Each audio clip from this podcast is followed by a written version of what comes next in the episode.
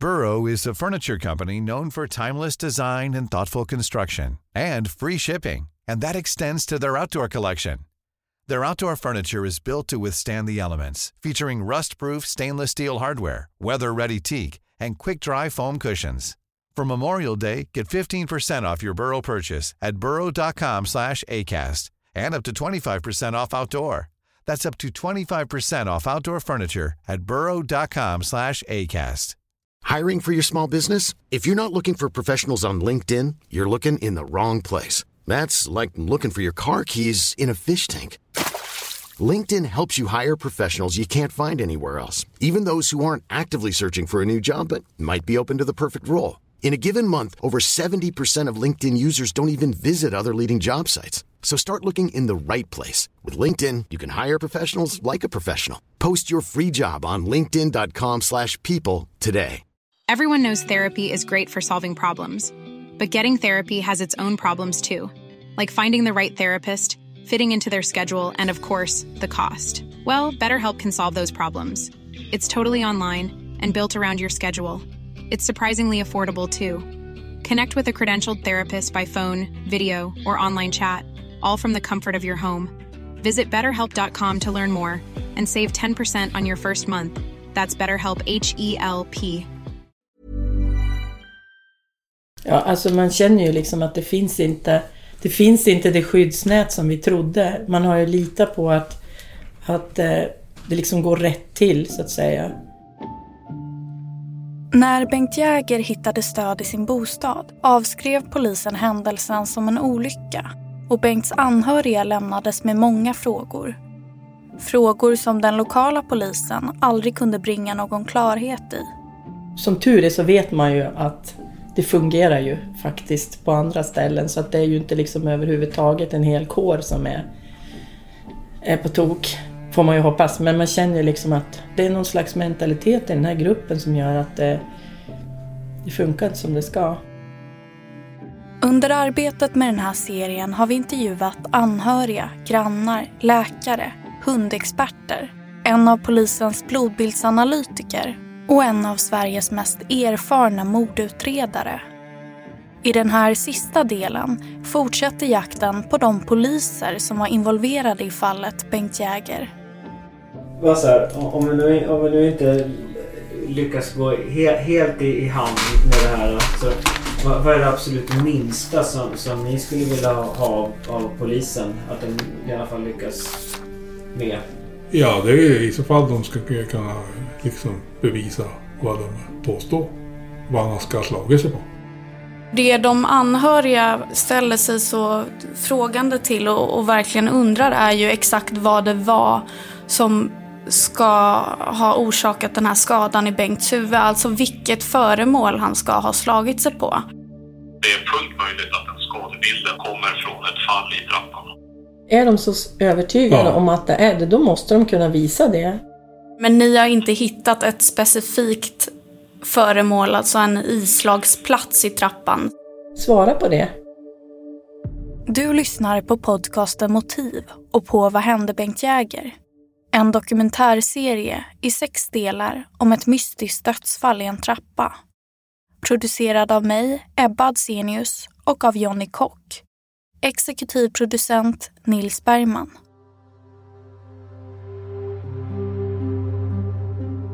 Jag kommer inte uttala mig. Abonnenten kan inte nås för tillfället. Var vänlig, försök igen senare.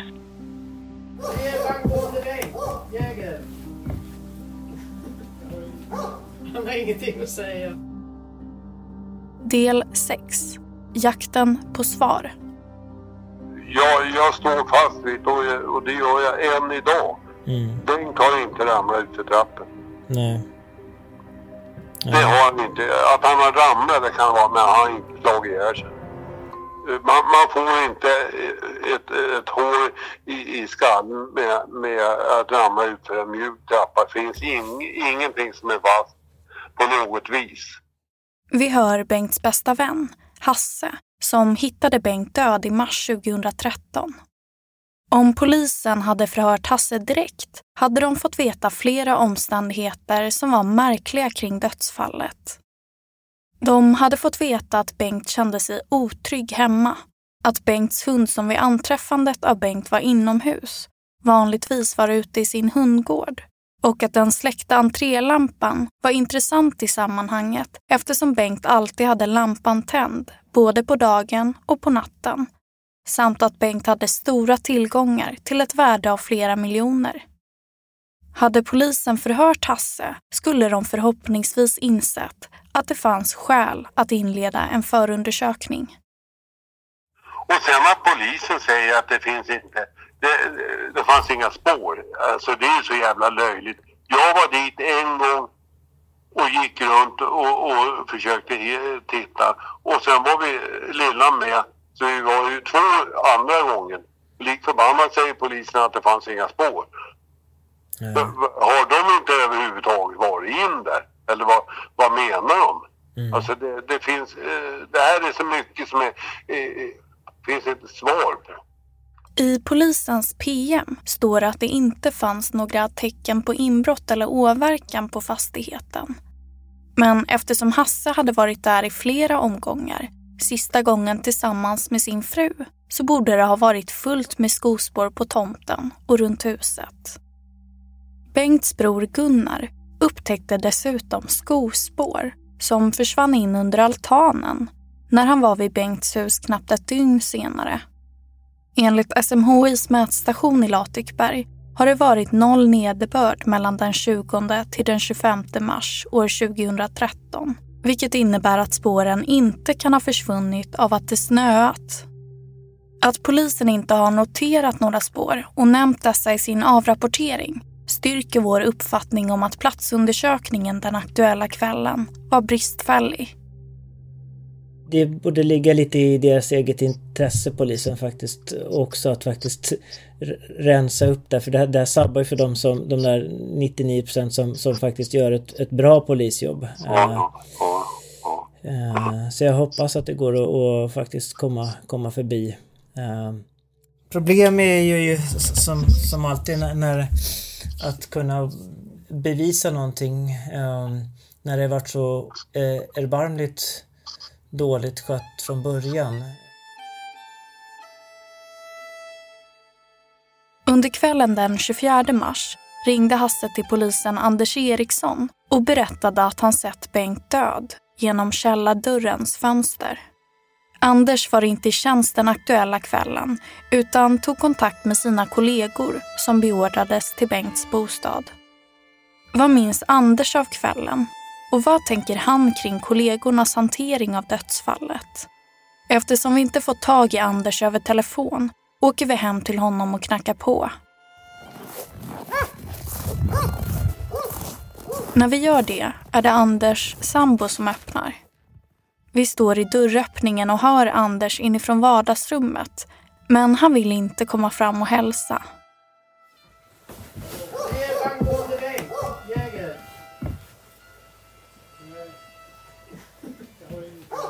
Han har ingenting att säga. Han har ingenting att säga. Nej. Vi var hos Hasse här innan. Ja, vi har varit och pratat om lite. Men får vi säga hej bara eller? Ja, ja, men alltså vi vet ingenting om Nej, jag händelsen. Det vet vi inte. Vi vet bara att han dog. Jag tänkte bara just i i och med att eh, och- om, om Anders hade lite, lite kon kontakter med, med, med polisen och hur, hur han har tänkt kring, kring utredningen, det som hänt efteråt. Nej. Ja, just det. Han jobbade med men han var inte inblandad i utredningen. Nej, han var ju bara med och, och, och ring- ringde hit Ja. dem om man säger. Precis. Ja. Nej, han vill inte. Nej. Han är inte intresserad. Nej. Då får jag väl säga nej tack. Ja. Ja, ja, det får man göra. När Anders tog kontakt med sina kollegor var det poliserna Anders Skoglund och Marcus Eriksson som beordrades till Bengts hus. Klockan var då 20.22 på kvällen. Marcus Eriksson anlände till huset först, där Anders Eriksson mötte upp honom. Senare anslöt kollegan, Anders Skoglund. Vi har gjort flera försök att få tag i de båda poliserna och till slut får vi tag i Marcus Eriksson. Ja, hej hej. Ja, hej, hej, vad trevligt att, att få pratas vid äntligen. Eh, jo men det är så här. Jag håller på och, och tittar på det som hände med, med Bengt Jäger för en himla massa år sedan. Ja. Ja. Och eh, håller på att prata med, med folk som varit insatta i det där. Och du har ju en, ja det får man säga, en, en unik inblick i och med att du var en av de där första som var där. Så jag, jag tänkte helt enkelt höra med dig om, när du har, om du har tid att, att prata med mig om, om dina upplevelser när ni kom dit helt enkelt. Nej, jag har inte tid. Alltså ärendet är ju stängt. Det är ju öppnat två gånger. Det- är ju tittat på igen och det är utrett på så sätt. Och man har inte kunnat komma till någon annan slutsats än den de har kommit till. Marcus Eriksson vill inte svara på några frågor kring vad han tänkte när han och kollegan Anders Skoglund kom till Bengts hus. Vi blir återigen hänvisade till någon annan och den personens beslut. I det här fallet hänvisar Marcus till vakthavande befäl. Men det befälet har ju tagit ett beslut om att inte spärra av utifrån de uppgifter Marcus och kollegan Anders lämnade. Nej, jag kommer inte uttala mig, mig i ärendet på så sätt. Det, det, det kommer jag inte att göra. Jag måste hänvisa till, till någon, alltså behörig någon, någon förman i mitt ställe. Mm. Ja, men jag tänkte, för för det, det som är lite som jag fick reda på här ganska, ganska sent nu så, så vad jag förstår så din, din kollega Anders Skoglund ville ju spärra av och ringer till Simon Wormö som är vakthavande då som säger att som jag förstått att ni inte ska göra det. Vi har, vi har, vi tar ju kontakt med, med, med ansvariga och tekniker i jour. Men det finns ju ärendet dokumenterat från våran sida. Mm. Att vi, vi gör en, en begäran så. Men vi får svar att det inte behövs. Men det finns ju dokumenterat. Mm. Jag, vet, jag vet att det är från olika håll. Alltså det, det är mycket och det är ryktesspridningar. Det är som det är. Det är en, har blivit en röra. Ja, för jag tänker sånt där är ju sånt som, som borde vara, vara in, intressant att, att föra fram också. För det är ju den som är är mycket som det känns som det har blivit den här ryktesspridning kring att det inte blev avspärrat och så. Och Ja, då, ja men det, det måste man fråga beslutsfattaren om. mm, Så, som tar, tar det beslutet. Det kan ju inte jag svara på. nej. Och, och om jag förstått, om jag läst rätt så ska det ju vara Simon Wormö då som har tagit det beslutet. Mm. Tala in ett meddelande efter tonen. Jag söker en Simon Wormö på det här numret. Eh, Det gäller tidigare dödsfall av en Bengt Jäger 2013 som jag håller på att titta på. Ehm, Den utredningen helt enkelt. Simon Wormö har fortfarande inte återkommit, men det har David Helgesson på polisen i Umeå gjort. Det var han vi kontaktade i början av den här serien. Han var förundersökningsledare i utredningen som inleddes år 2021. Jag har ju några frågor om det som, som, eh, som jag tycker fortfarande saknas svar och som inte har stått någonting om eller sagt någonting heller i alla fall när, när ni la ner utredningen nu. Senast. Kan man eh, göra så att, ni, att du mejlar mig eh, och eh, Eh, gärna att du skriver lite grann de frågeställningar du vill ha svar på så har jag möjlighet att, eh, att sätta mig in i det bättre för det blir ju på något sätt sådär eh, David Helgesson bad oss att mejla alla våra frågor. När vi senare fick svar läste vi upp de svaren för Bengts halvbror Gunnar och hans partner Karina. Gunnar och Karina har själva ställt frågor till polisen men inte fått några svar. Polisen då, när, när den, den senaste utredningen här i hösten 21. Eh, de vill ju inte riktigt prata med oss. Eh, utan de säger att eh, den här utredningen är avslutad och anhöriga fick svar på sina frågor när, när utredningen lades ner. Mm. Hösten 21. Och vad, vad, vad fick ni för svar av polisen? Ja, vi fick... Det svar vi fick att det var bara ord.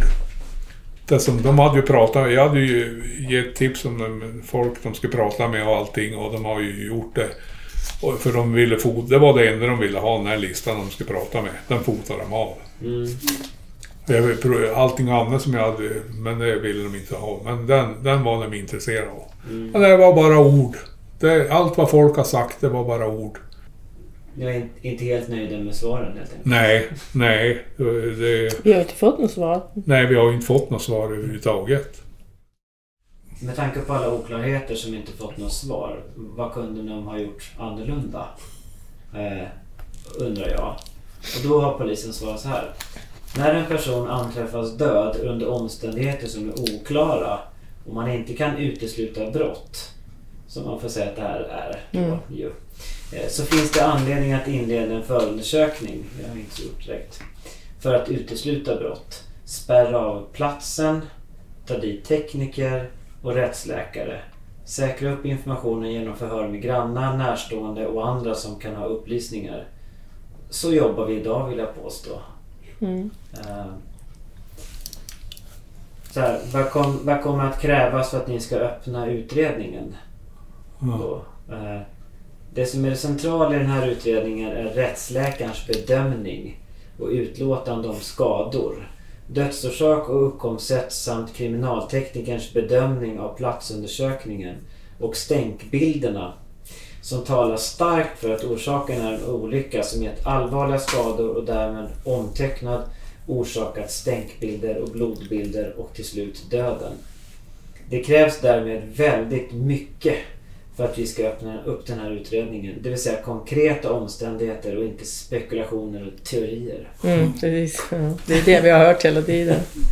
Men Ja. rättsläkaren, Det är jätteroligt att de lägger så mycket vikt på, på henne som jag ändå inte eh, höll med om första Nej, halvåret. precis. Ja. Eh, och hon, och hon har ju, verkar ju ha ändrat på sig på grund av, av, av hon har fått reda på saker som, som inte verkar stämma helt enkelt. Alltså, ja, jag- Nej, men hon, hon, hon, ingen kan ju. Jag ser- I svaren hänvisar David Helgesson till rättsläkarens obduktionsutlåtande där det står att det är möjligt att skadan i Bengts huvud kan ha uppkommit av exempelvis ett fall mot ett utskjutande, avgränsat, trubbigt föremål. Inför obduktionen hade polisen sagt rättsläkaren att de inte misstänkte något brott och att deras teori var att Bengt hade ramlat och slagit sig på ett föremål i trappan. Rättsläkaren har ju ingen teori om liksom hur dödsfallet har gått till utan säger ju bara vilka skador som finns och om den förklaring som, som polisen ger är medicinskt möjlig. Vi hör akutläkaren, Katrin Ruska, som vi även hörde i del två. Eh, och det är väl det som är liksom rättsmedicinens uppgift att säga. Är det, är det helt omöjligt att man skulle kunna få de här skadorna eh, vid ett sånt här fall? De kan ju inte säga att, att det är omöjligt. Eh, för slår man i huvudet i någon utskjutande eh, del där så, så kan man väl få de, de skadorna. Det var väldigt anmärkningsvärt att hon sa att hon hade frågat polisen flera gånger vad det var som hade gjort den här skadan och de hade sagt det vet vi. Men hon fick aldrig reda på vad det var. Så jag menar, det sa hon till mig liksom. Karina, Gunnars partner, menar att rättsläkaren ifrågasatte polisens teori när hon och Gunnar pratade med rättsläkaren några veckor efter dödsfallet. Vi hör Karina igen. Och hon säger att hon upprepade gånger frågade polisen om uppkomsten av skadan då hon tycker det ser underligt ut. Polisen är tvärsäker på att det är en olycka, säger hon. Hon tycker att skadebilden tyder på ett slag med ett utstansat föremål, till exempel hammare. Och det här, den här som, som du säger nu, det är du hundra på att det... Ja det, men precis, för jag ja. skrev ju ner det här direkt. Jag, sa- jag, alltså jag är den där ständiga sekreteraren. Jag sitter och skriver hela tiden när jag pratar. Med, jag satt och skrev när jag pratade med dig också. Mm. Ehm, så att jag, jag, och i och med att man då kan skriva lite slarvigt och sådär så det var ju därför jag liksom sökte henne igen och frågade om jag fattar det här rätt. Vi vill att rättsläkaren, som har en betydande roll i den här berättelsen, ska få möjlighet att bemöta de uppgifter som Gunnar och Karina lämnat. Därför gör vi ett nytt försök att nå henne via Rättsmedicinalverket. Men förväntningarna är låga eftersom vi tidigare hänvisats till David Helgesson på polisen i Umeå. Det, det gäller eh, Bengt, Bengt Jäger, eh, en tidigare okay. utredning. Eh, så jag, jag, hoppas att hon kan, kan återkomma. Eh, vore toppen. Ja. Ja, ja men mm. jag ber henne ringa. Burrows furniture is built for the way you live. From ensuring easy assembly and disassembly to honoring highly requested new colors for their award-winning seating, they always have their customers in mind. Their modular seating is made out of durable materials to last and grow with you. And with Burrow, you always get fast, free shipping. Get up to 60% off during Burrow's Memorial Day sale at burrow.com slash ACAST. That's burrow.com slash ACAST. burrow.com slash ACAST. Hiring for your small business? If you're not looking for professionals on LinkedIn, you're looking in the wrong place. That's like looking for your car keys in a fish tank. LinkedIn helps you hire professionals you can't find anywhere else, even those who aren't actively searching for a new job but might be open to the perfect role. In a given month, over 70% of LinkedIn users don't even visit other leading job sites. So start looking in the right place. With LinkedIn, you can hire professionals like a professional. Post your free job on linkedin.com slash people today. Hey, it's Ryan Reynolds, and I'm here with Keith, co-star of my upcoming film, If, only in theaters May 17th. Do you want to tell people the big news? All right, I'll do it. Sign up now and you'll get unlimited for $15 a month in six months of Paramount Plus Essential Plan on us. Mintmobile.com slash switch. Upfront payment of $45 equivalent to $15 per month. Unlimited over 40 gigabytes per month. Face lower speeds. Videos at 480p. Active Mint customers by 531.24 get six months of Paramount Plus Essential Plan. Auto renews after six months. Offer ends May 31st, 2024. Separate Paramount Plus registration required. Terms and conditions apply if rated PG. Ja, hejsan Johnny. Jag heter Johanna Loafell jag jobbar på rättsmedicin i Umeå. Du hade sökt mig. Ja, men precis. Vad bra. Vad fint. Jo, men så här. Eh, vi, jag har på, jag och en kollega har hållit på eh, under en, lång tid med det här eh, en, gör ett program, eller flera program om det som hände Bengt Jäger. Mm. Och då är det ju många som, ja i och med att du var ändå inblandad i det minst sagt, så det är många som, som nämner ditt namn och, och det som det som hänt kring den här utredningen. Så att jag tänkte höra om jag skulle kunna få fråga massa frågor till dig helt enkelt. Det är så här att polisen har ju tagit både ett och två omtag kring det här och jag inför den, efter den sista senaste omtaget och avslutet av det så kom jag överens med, med David Helgesson på grova brott att de skulle få sköta mediakommunikationen kring det i första hand. Därför mm. att det är lite synd om det liksom blir lite rundgång i det hela. Så att jag skulle nog ändå vilja hålla fast vid det och be att du pratar med Grova brott i Umeå först. Ja, och han har ju han har ju, jag har ju skickat eh, frågor och han har svarat skriftligt på några av dem. Men, men samtidigt är det ju, är ju några där som är då just sånt som bara du kan svara på egentligen. Vem det är som har sagt olika, olika saker till dig och, mm. och, och, och, och sådana saker. Ja, men jag kan ju ringa till honom och stämma av med honom vad han tycker är okej och inte. För i och med att vi har gjort den här överenskommelsen så, mm. så känns det som att det är rimligt att vi har, ändå försöker hålla oss till den i första hand. Mm. Eh, nej, men, men gör gärna det. Uh... Du skulle ju, om du vill skulle du kunna få mejla just de frågorna som du vill ställa till mig mm. också parallellt, för då vet jag ju vad det är då, då, vet jag ju också mer specifikt vad jag ska stämma av med David. Så att mm. det blir liksom allt och ingenting. Mm. Mm. Vi mejlar våra frågor till rättsläkaren och frågar vad hon tänkte om polisens teori efter Bengts obduktion. Vi frågar också om telefonsamtalen med Gunnar och Karina. Om det stämmer att hon sagt att skadan kan ha uppkommit av en hammare och vad hon tänker kring polisens hantering av dödsfallet. Men vi får aldrig svar på våra frågor. Kort efter att vi pratat med rättsläkaren blir vi kontaktade av en pressansvarig på Rättsmedicinalverket. Så, så här är det. Eh, Johanna Loatell och egentligen vem, eh, vilken annan rättsläkare som helst får inte prata eh, om enskilda fall eh, utanför rättssalen eller i, de, eller de dokument de skickar till polis eller åklagare eller domstol av sekretesskäl det är en utmaning därför att polis och åklagare får ju prata. Mm. Eh, när, när deras, liksom, de, de lagar de har att förhålla sig till eh, är, har liksom är färdiga, förundersökningssekretess eller så. Så det, är inte helt, det är inte ovanligt heller att just polis, om de har jobbat inom med, med något ärende, eh, säger ja men prata med rättsmedicin. Nej, det får de inte. Inte, inte på det sättet. Det vi kan bistå med det är ju eh, liksom, att förklara hur går en obduktion till eller vad tittar man efter eller vad, du vet, den typen av mer extremt Mm. generella grejer. Men det är ju inte applicerbart på, på alla fall kan jag säga, ganska, till och med ganska få fall. Då.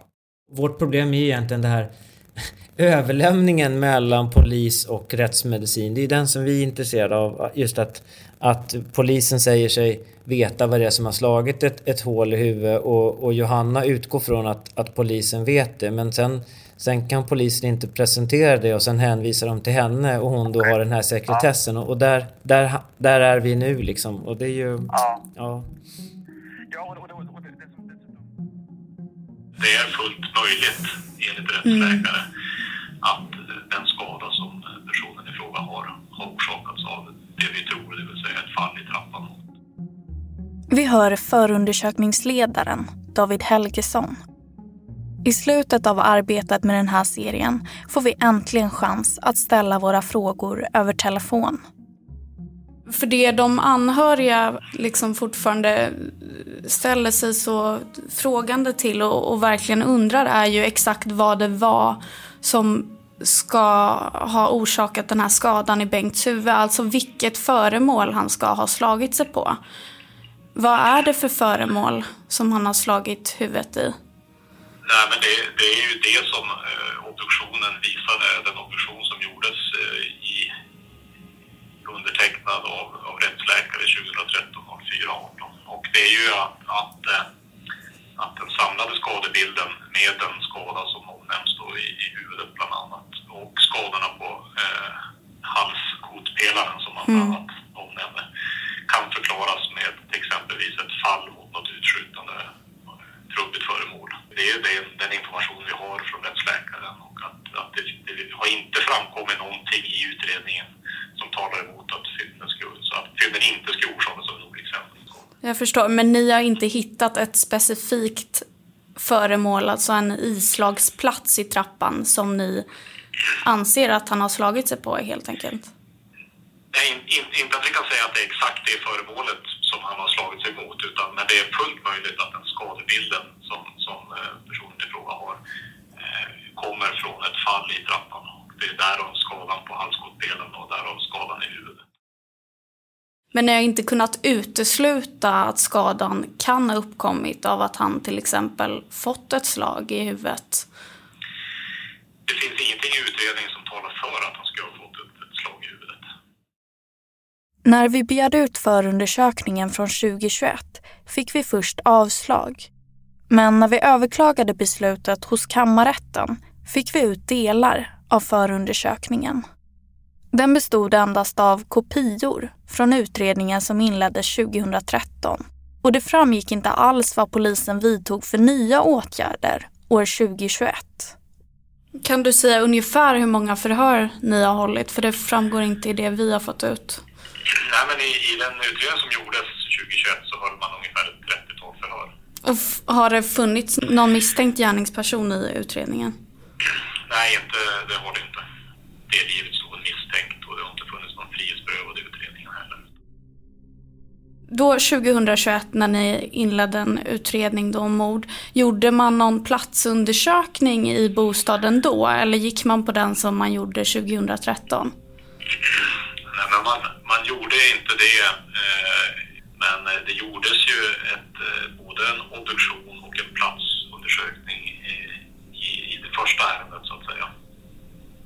Och det är den som har legat till grund för, för de beslut vi har gjort. Sen tog vi ett, ett omtag 2021 där vi höll ett antal förhör för att se om det skulle framkomma någon information som, som, som skulle kunna leda utredningen i någon annan, någon annan riktning.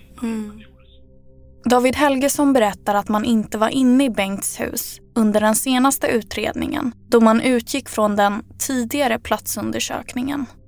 Detta kan tyckas märkligt eftersom huset stått orört och allt blod fortfarande fanns kvar då. Dessutom var det ju den platsundersökningen som gjordes år 2013 som hade brister. Till exempel missade polisen att det fanns blod på möbler i köket vilket Gunnar upptäckte när han skulle montera ner Bengts köksbord några år senare. Att det fanns blod på bordskaven, under bordet och på kökssoffan är anmärkningsvärt eftersom Bengt hittades en bit från bordet och inte ska ha slagit sig där utan bara i trappan. Den kriminaltekniker som var i bostaden år 2013 är idag avliden. Därför kan vi inte ställa några frågor till honom.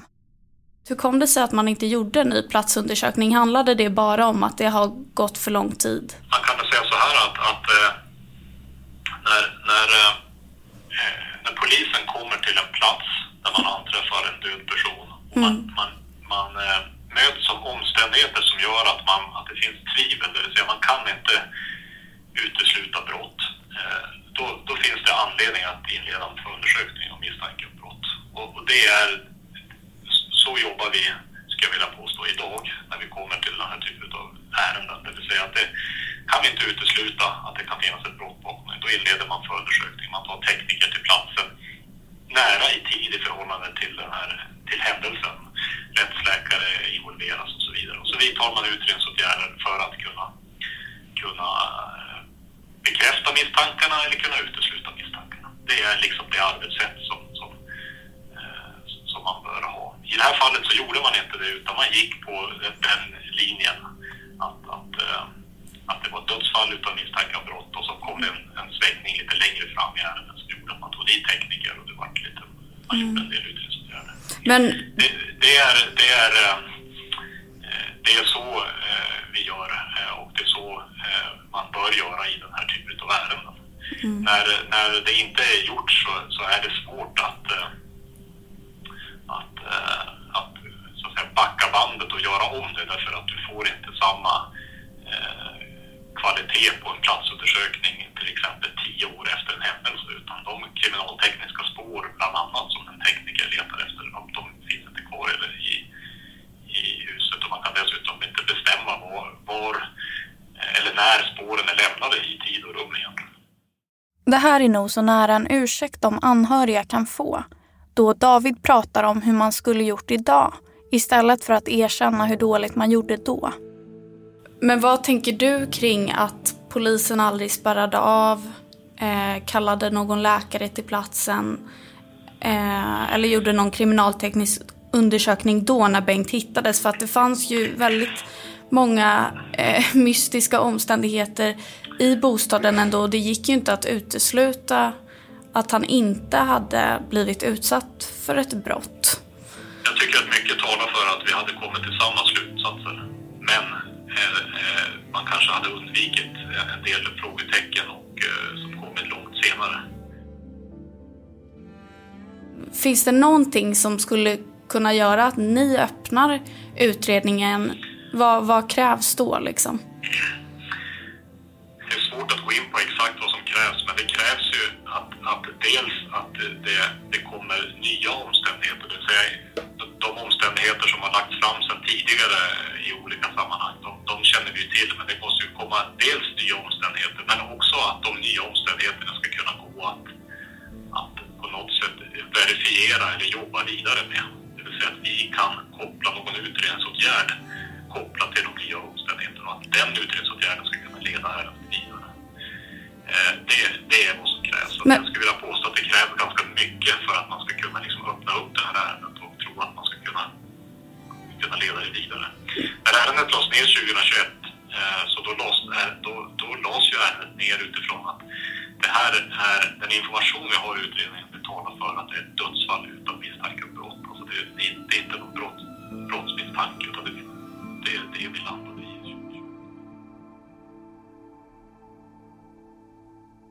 Under arbetet med den här serien har vi försökt ta reda på vad som hände Bengt Jäger.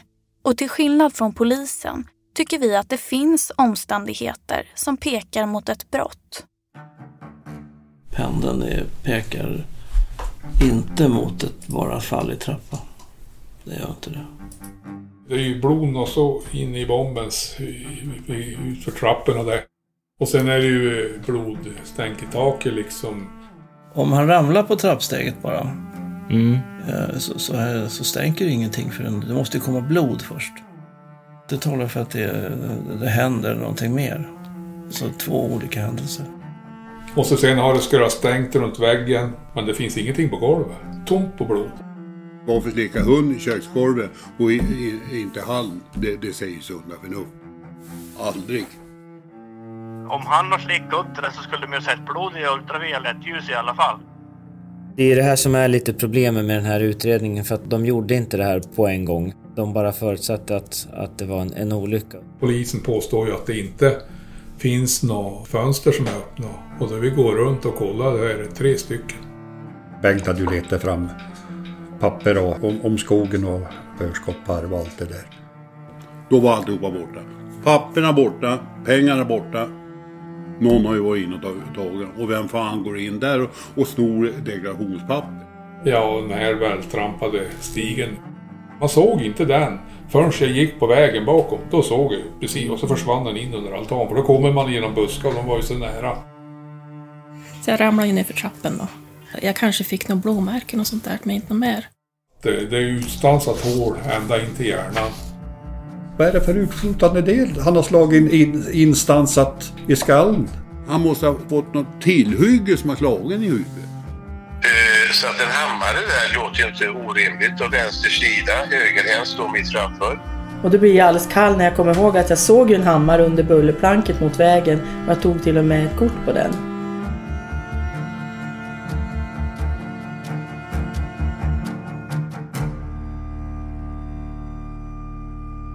Utifrån det vi nu gått igenom kvarstår frågan, vad hände Bengt Jäger?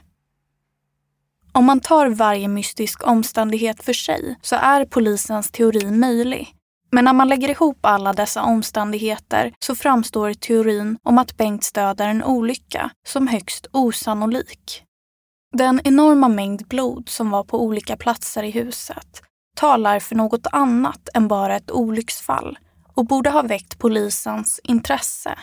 Vi hör blodbildsanalytikern Ulf Öhman. Vad tänker du om den där, de där stänken? Det- där är ganska mycket blod. Det är alltså en rejäl eh, fart i de där. Alltså det, det är mycket blod som stänker iväg. Det kommer ju... Om den här nu, nu vi säger att den, den verkligen står vid sidan om trappan. Mm. Så eh, måste det ju hända någonting våldsamt i trappan för att det ska kunna stänka ner på påsen på det där viset. Det där är liksom... eh, Alltså spår efter misshandel helt enkelt. Det, det är så som det ser ut när man får en, en ordentlig smäll i skallen. Utifrån blodbilden kan vi konstatera att det måste varit tumult i bostaden och att polisen tog ett felaktigt beslut som innebar onödigt lidande för Bengts närstående. Det var ju så jävla tragiskt. Vi, vi, vi kunde ju inte sova. och Man, man, man kunde inte fatta hur fan, hur fan kunde han slå ihjäl sig i trappen. Alltså det där, man har ju ältat det här fram och tillbaka, fram och tillbaka. Att sedan de poliser som har haft hand om fallet Bengt Jäger verkar ha förtvivlat svårt att stå för sina beslut och be om ursäkt är tråkigt. Även en polis måste ju kunna få göra fel. Men man kan ju fan erkänna. Jag menar, det, det är väl inte värre med det. Men så när arbetet med den här serien går mot sitt slut får vi äntligen tag i den andra polisen som var på plats kvällen Bengt hittades. Och vi tänker att kanske kan han berätta hur det blev så här. Det är därför jag har ringt dig, för att jag har mm, många frågor som jag skulle vilja ställa angående ärendet. Läsa i de förhandlingar som finns tillgängliga om det uppgifter behövs och detaljer har ingen minne av. Men det är just det här, det, och det står ju en del grejer i de handlingarna, men jag skulle jättegärna bara vilja liksom få, få din röst. Jag får läsa papperna för att eh, jag minns inga detaljer och jag vill inte medverka. Du har lyssnat på podcasten Motiv och på den sista delen av Vad hände Bengt Jäger? Vad finns det för olika motiv att döda Bengt? Det är pengarna. Har du tips eller funderingar kring fallet kan du mejla tips taltale.se Adressen finns även i avsnittsbeskrivningen. Följ även Motiv på sociala medier. Vi som har gjort den här serien heter Ebba Adsenius och Jonny Kock. Exekutiv producent är Nils Bergman. Tack till alla som på ett eller annat sätt har medverkat och tack till er för att ni har lyssnat.